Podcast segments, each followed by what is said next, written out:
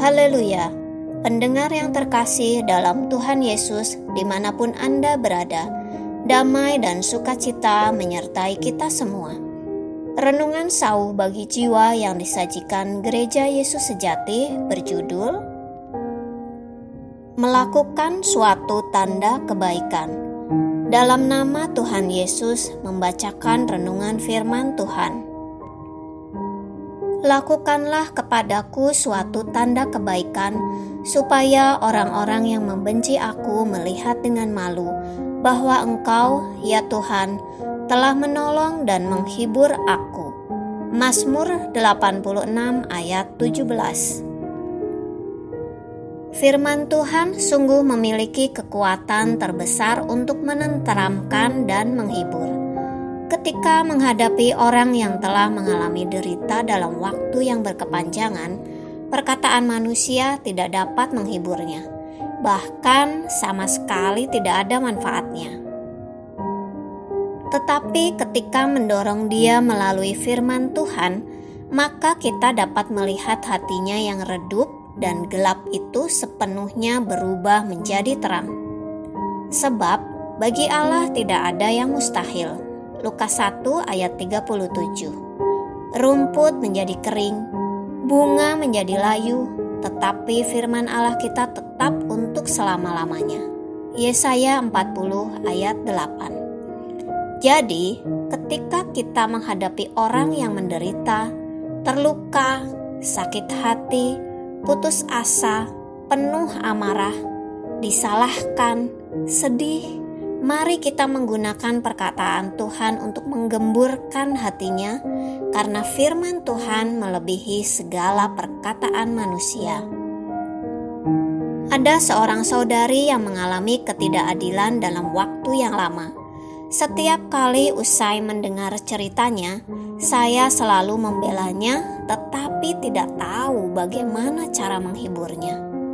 Pada suatu kali kebetulan membaca Mazmur 86 ayat 17, saya segera membagikan ayat ini kepadanya. Dia berkata bahwa tidak ada yang dapat menghibur dia lebih dari ayat ini.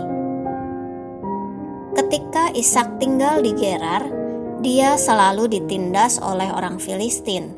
Dia tidak bersaing untuk tinggal pada sumur yang dahulu digali ayahnya Bahkan sumur yang ia gali sendiri pun direbut. Cara Ishak menghadapi penindasan orang Filistin adalah dengan mengalah sekali lagi dan sekali lagi. Maka Tuhan pun memberkatinya berlimpah-limpah. Setiap kali dia ditindas, dia selalu bisa menggali sumur yang berair.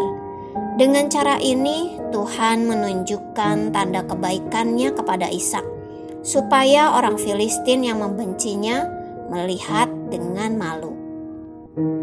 Setelah Yusuf dijahati oleh kakak-kakaknya yang iri kepadanya dan menjualnya ke Mesir, dia menjadi penyelia di dalam rumah Potifar. Kemudian Yusuf dipenjara karena difitnah oleh istri tuannya yang tidak bermoral. Dalam penjara, Tuhan membuat Yusuf dapat mengartikan mimpi bagi juru minuman di dalam penjara, sehingga membuat juru minuman menyebut namanya kepada Firaun untuk mengartikan mimpi. Pada akhirnya, dia pun menjadi perdana menteri di Mesir. Tuhan membuat kehidupan Yusuf begitu berkelok-kelok. Hal ini pun merupakan tanda kebaikannya kepada Yusuf sehingga membuat kakak-kakaknya yang membencinya melihat dengan malu. Saul mengejar Daud dengan tidak berakal sehat. Namun Daud tidak pernah mau menghadapi Saul karena Saul adalah raja yang diurapi Tuhan. Tuhan menguji Daud dua kali dengan memberikannya kesempatan untuk membunuh Saul dengan mudah. Hal ini adalah tanda kebaikannya kepada Daud.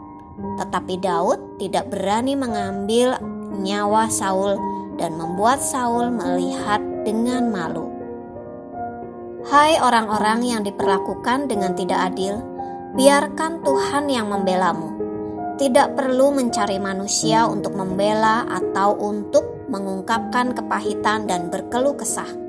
Berdoalah setiap hari, mohonlah agar Tuhan menunjukkan bukti kasih karunia-Nya kepada kita agar orang yang membenci kita mendapat malu karena Dia adalah Tuhan yang sejati, pertolongan kita.